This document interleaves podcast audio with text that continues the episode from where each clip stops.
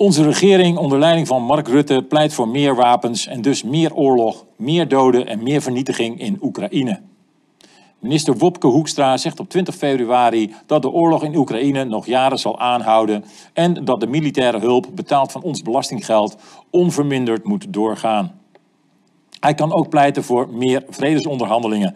Maar dan is alles voor niets geweest, zegt hij in het Algemeen Dagblad. Wat het alles is, zegt hij er niet bij. Iedere oorlog is altijd voor niets. In ieder geval niet in het belang van gewone burgers. Waarom is Oekraïne ineens zo belangrijk? Waarom moet hemel en aarde bewogen worden om de oorlog eindeloos te blijven voeren?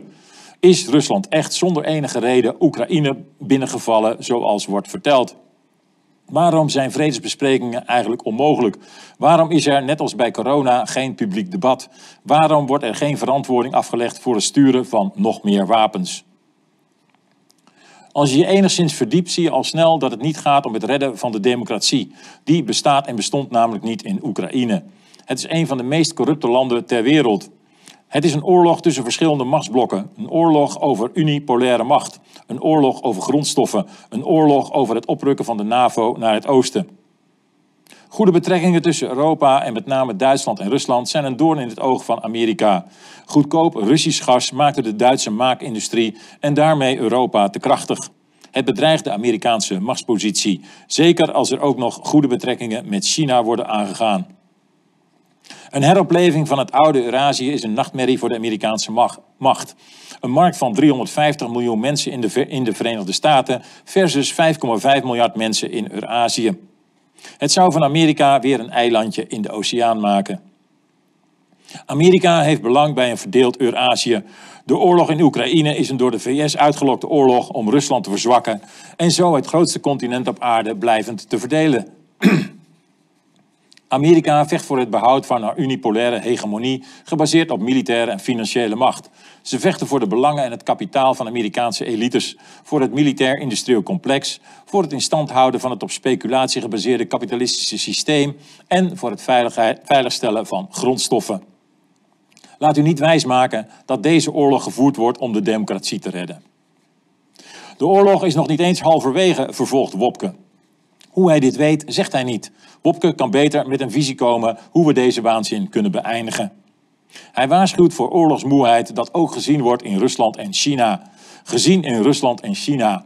Zijn we nu ook ineens in oorlog met China? Of is dat de volgende oorlog? Is het eigenlijk geen oorlog tegen Rusland, maar een voorbode van een oorlog tegen China? Het land dat de unipolaire wereldmacht van de VS mede naar de loef steekt. De herreizenis van Eurasië moet kosten wat kost voorkomen worden vanuit Amerikaans perspectief. Het lijkt de ware reden waarom deze absurde, nooit te winnen oorlog nog jaren mede door ons moet worden gevoerd. Maar wie moet er straks gaan vechten als de laatste Oekraïense mannen zijn opgeofferd voor de Amerikaanse belangen? Wopke liet een ballonnetje op over de herinvoering van de dienstplicht. Ik wens hem veel succes. Onze jongeren zijn woke softies. Wil je geen jongetje zijn? Prima, dan ben je een meisje. Of beide, of helemaal niets. Onze jeugd is verwend, te dik, depressief. Ze willen TikTokken, Netflixen, naar festivals gaan en coma zuipen. In het leger worden ze geen man, vrouw of non-binair. Ze worden simpelweg afgeslacht. Het is hersenloze propaganda van Wopke, onze man in bange dagen. Aansturen op onderhandelingen en vrede is de enige oplossing. Deze oorlog leeft niet bij de mensen. Het is lastig propaganderen. Vrees en eigen belang brengen een mens in beweging, zei mijn vader altijd. Tijdens corona was dit goed te zien. Daar werkte propaganda goed. Mensen waren bang voor het zogenaamde dodelijke virus vlakbij en lieten zich gewillig inspuiten met een vaccin waarvan niemand weet wat de gevolgen op langere termijn zijn. Maar met oorlog ligt dit anders. Die is ver weg. Mensen zijn druk met hun leven. De tijd van simpel mensen recruteren voor andermans oorlog is moeilijk geworden. Of er moet razendsnel een grote arme onderklasse gecreëerd worden die niet anders meer kan dan te solliciteren als kanonnenvoer. Bovendien zijn er te veel kleine mannetjes als ik die de onzin van de oorlog belichten, die de mantra van Poetin is de duivel doorprikken, net als het mantra samen tegen corona. Het is maar de vraag of onze leiders zelf het vaccin hebben genomen. Wat ze in ieder geval niet doen, is zelf het goede voorbeeld geven om onze democratie te redden. Ze sturen niet hun eigen kinderen naar het front. Dat laten ze graag over aan de kinderen van het volk waar ze op neerkijken. Wel roepen de progressieve mensen van D66, GroenLinks, de PvdA, de VVD en de christenen meer, meer, meer wapens. Een stem op een van deze partijen op 15 maart is dus een stem voor meer oorlog. Even een slokje hoor. Maar meer oorlog is terecht, kale man. Poetin is de duivel. Vrede is Poetin verslaan. Voor je het weet staan zijn tanks straks op het museumplein, zeggen mensen tegen mij.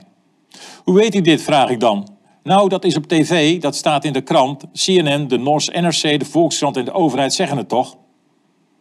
Inderdaad, in praatprogramma's verschijnen generaals buiten dienst en deskundigen als Rob de Wijk.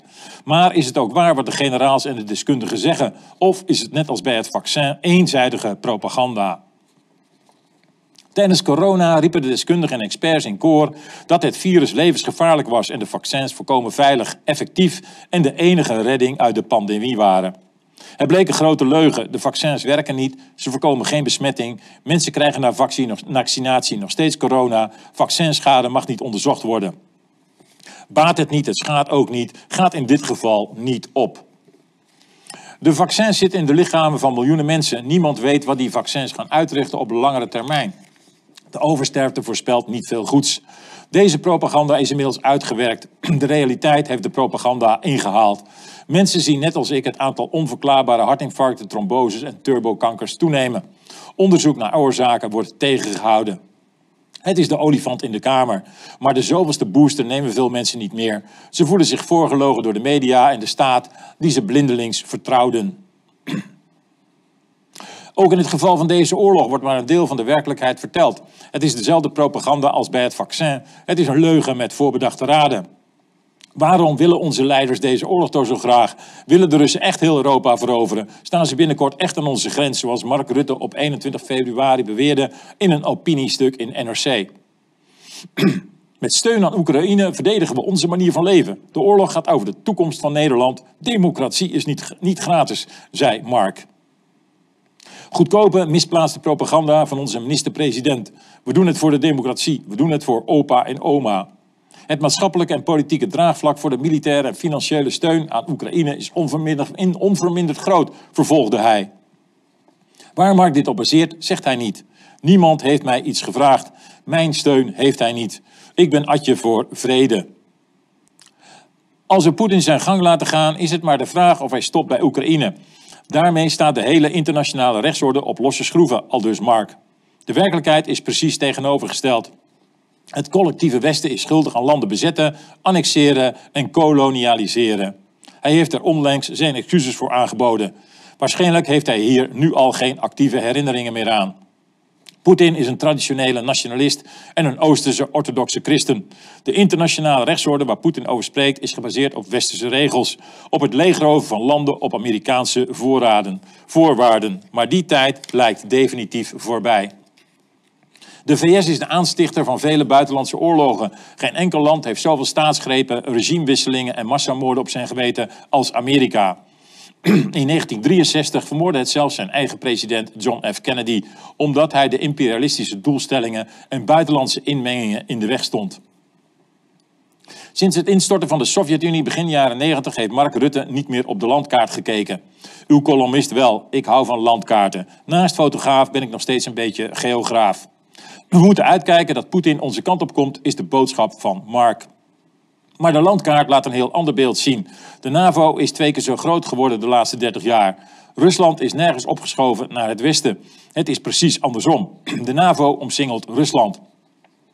NAVO een defensieve alliantie noemen is net zo krankzinnig als Oekraïne een democratie. Als je, als je het vanuit dit perspectief bekijkt, is het logisch dat Poetin zich bedreigd voelt door een oprukkende NAVO. Niet iedereen zit te wachten op een compleet door het Westen gedomineerde wereldorde. Regime change in Moskou wordt openlijk geroepen in Washington. Kiev is gekidnapt door de VS.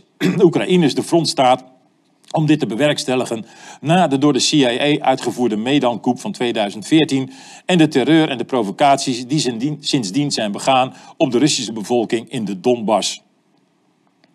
Deze oorlog is dus niet een jaar aan de gang, maar bijna al tien jaar. Niet Poetin staat straks in Parijs of Amsterdam, maar de NAVO in Moskou. We leven sinds COVID in de omgekeerde, gepropagandeerde werkelijkheid. Het is een feit, vervolgt Mark in de NRC, dat zonder de kolossale inzet van Amerikaanse middelen het er heel anders had uitgezien. Dat is waar, alleen is zijn anders anders dan mijn anders.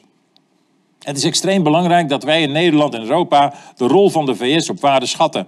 De VS nemen het voortouw en laten zien dat ze de Shining City on the Hill willen zijn. Het land dat is geboren uit een diepgewordelde vrijheidsdrang en waarin we the people het voor het zeggen hebben, het zeggen hebben, schrijft hij. Het klinkt prachtig, misschien was het ooit ook zo, maar die tijden liggen ver achter ons. Amerika vecht niet meer om de Shining City on the Hill te zijn. Amerika vecht niet voor de democratie. Dat is Hollywood-propaganda. Daar zijn Amerikanen goed in. Ons wordt al 80 jaar wijsgemaakt dat Amerika de good guys zijn en de Russen de bad guys. We zijn compleet gehersenspoeld. Ik weet nog dat ik begin jaren 60 onder de schoolbank moest kruiken om mij te behoeden voor de Russische atoombom. Het was angstzaaien om zoveel mogelijk wapens te verkopen, oorlogen te voeren en staatsgrepen over de hele wereld te plegen. Denk aan Vietnam, Angola, Guatemala, Libië, Panama, El Salvador, Irak, Somalië, Iran enzovoort enzovoort. Naast een echte oorlog in Oekraïne woedt er ook nu weer een propagandaoorlog, net als bij COVID. Amerika vecht in Oekraïne niet voor de redding van de democratie. Ze vecht maar voor één ding, haar eigen belang. Ze verdedigen de dreigende ineenstorting van een unipolaire wereldmacht en de val van de dollar. Het is de oorlog van een kleine elite om zijn macht en geld te behouden. De landen die de Amerikaanse rol als politieagent van de wereld bedreigen en streven naar een multipolaire wereldorde als Rusland en China moeten worden verslagen voordat Amerika het niet meer alleen voor het zeggen heeft en hun op rijkdom gebaseerd op diefstal ineenstort. Achter de voordelen in Nederland worden de koopkrachteffecten van deze oorlog hard gevoeld. Gas en elektriciteit en de boodschappen zijn duur, de inflatie torenhoog. De realiteit is dat de oorlog in Oekraïne nog lang, lang kan duren, vervolgt Mark. Een heikel punt laat Mark volkomen buiten beschouwing in zijn NRC-betoog.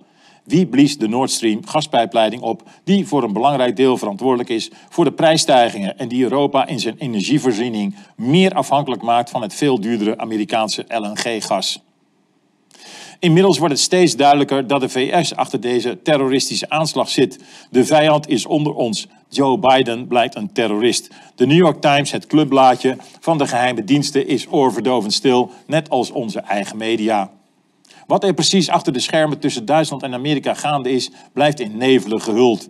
Ondertussen blijft onze markt geloven in het fabeltje van The American Dream, The Shining City on the Hill. Onze minister-president is of dom en heeft het geopolitieke spel niet door, of hij is chantabel en doet wat grotere machten hem opdragen. Maar het meest waarschijnlijke is dat hij doet waar hij goed in is: keihard liegen. Hij weet dat het gaat om de unipolaire macht van de VS en de dollarhegemonie en blijft achter een oorlog staan die nooit gewonnen kan worden, omdat het in zijn ogen het meeste geld gaat opleveren voor de BV Nederland. Maar Mark is geen grote leider en zeker geen geopoliticus. Mark is een kruidenier. Hij is ziende blind. Meedoen met de VS gaat niets opleveren. We zien het voor onze ogen gebeuren. Het leegbloeden van de Europese economie. Het continent wordt in rap tempo gedeindustrialiseerd. Duitse bedrijven vertrekken nu al richting Amerika. Ook Nederland gaat niet ontkomen aan de negatieve economische gevolgen van deze oorlog. Voorlopig lijkt het er steeds meer op dat het Westen heeft gegokt en verloren. Rusland is sterker dan gedacht. De economische sancties werken niet. De meeste mensen in China, India, Turkije, het Midden-Oosten en het mondiale zuiden zien Rusland als een belangrijke bondgenoot. Ze hebben genoeg van de wereldwijde Amerikaanse suprematie. De nieuwe multipolaire wereldorde staat al in de stijgers. Steeds meer landen sluiten zich aan bij het BRICS-initiatief van Rusland en China. Veel landen hebben nog een appeltje schillen met de VS. Ze zijn de vernietigende interventies van Amerika nog niet vergeten. Het Westen vindt steeds minder aansluiting bij de rest van de wereld. Van helmen ging het naar tanks en straks vliegtuigen en lange afstandsraketten. Wat is de volgende stap? Boots on the ground, kernwapens, een false flag attack als Pearl Harbor op de Krim? Als de polarisatie zo doorgaat, resten er maar twee opties. Een kernoorlog of een scheuring in de westerse alliantie waarmee de unipolaire wereldhegemonie van het Westen ten einde komt. Niemand wint deze oorlog, maar Rusland gaat hem zeker niet verliezen. Oekraïne beschikt simpelweg niet over voldoende materieel en mankracht om de tegenaanval in te zetten. Misschien zijn de Polen nog zo gek te krijgen zelfmoord te plegen om de dollarhegemonie in stand te houden. We vechten in oorlog in Europa voor de Amerikaanse belangen. Allemaal ten faveur van het militair-industrieel complex en het veiligstellen van Amerikaanse belangen en grondstoffen. Europa, Rusland en China zouden gezamenlijk zeer welvarend kunnen zijn. Duitse technologie, Russische energie en Chinese arbeid is een recept voor vrede en welvaart. Het is een existentiële oorlog voor Rusland. Het voorbestaan van het land staat op het spel. Het is in zekere mate ook een existentiële oorlog voor de VS en het Westen. Het voortbestaan van de dollarhegemonie staat op het spel. De macht van Wall Street en de City of London, gebaseerd op speculatie en geleend geld, is in gevaar. De miljarden van de miljardairs op de achtergrond komen ook in gevaar als de VS deze oorlog verliest. Daarom moet deze oorlog koste wat kost gewonnen worden. Daarom sturen Rutte en Kaag meer wapens. Oekraïne wordt opge opgeofferd. Wij burgers moeten deze idioterie niet langer pikken. Laat je niet wegzetten als poedel als je pleit voor vrede. Laat je niet framen als egoïst omdat je het vaccin niet nam. Op dit moment doet het er niet meer toe of Poetin Rusland is binnengevallen of dat de oprukkende NAVO de feitelijke agressor is. Het maakt niet meer uit welke propaganda de juiste propaganda is. Het doet er niet toe wie de baas blijft in de wereld. Meer wapens sturen betekent meer leed, meer doden, meer vernietiging. Deze oorlog is zinloos, net als iedere andere oorlog. Er wint maar één partij, de wapenindustrie. Verder zijn er alleen maar verliezers. Russische en Oekraïnse moeders huilen hetzelfde om hun gesneuvelde, om hun gesneuvelde zonen. Tegen de gedachtenstroom in ben ik als klein mannetje een vredesbeweging in mijn eentje gestart. Atje voor vrede. Van de politici, de media of de wetenschap gaat het niet komen. Die zitten gevangen in hun mantra's. Poetin verslaan voor de vrede. We doen het voor opa en oma. Het klinkt wellicht idioot, maar liever een idioot dan een oorlogshitser. Iedere eenling kan het verschil maken, is mijn stellige overtuiging. Alle eenlingen samen vormen een onbreekbare kracht. Maak ook je eigen t-shirt met je naam erop en sluit je aan voor vrede. Wie weet tot op het Museumplein. Alleen samen krijgen we deze waanzin eronder.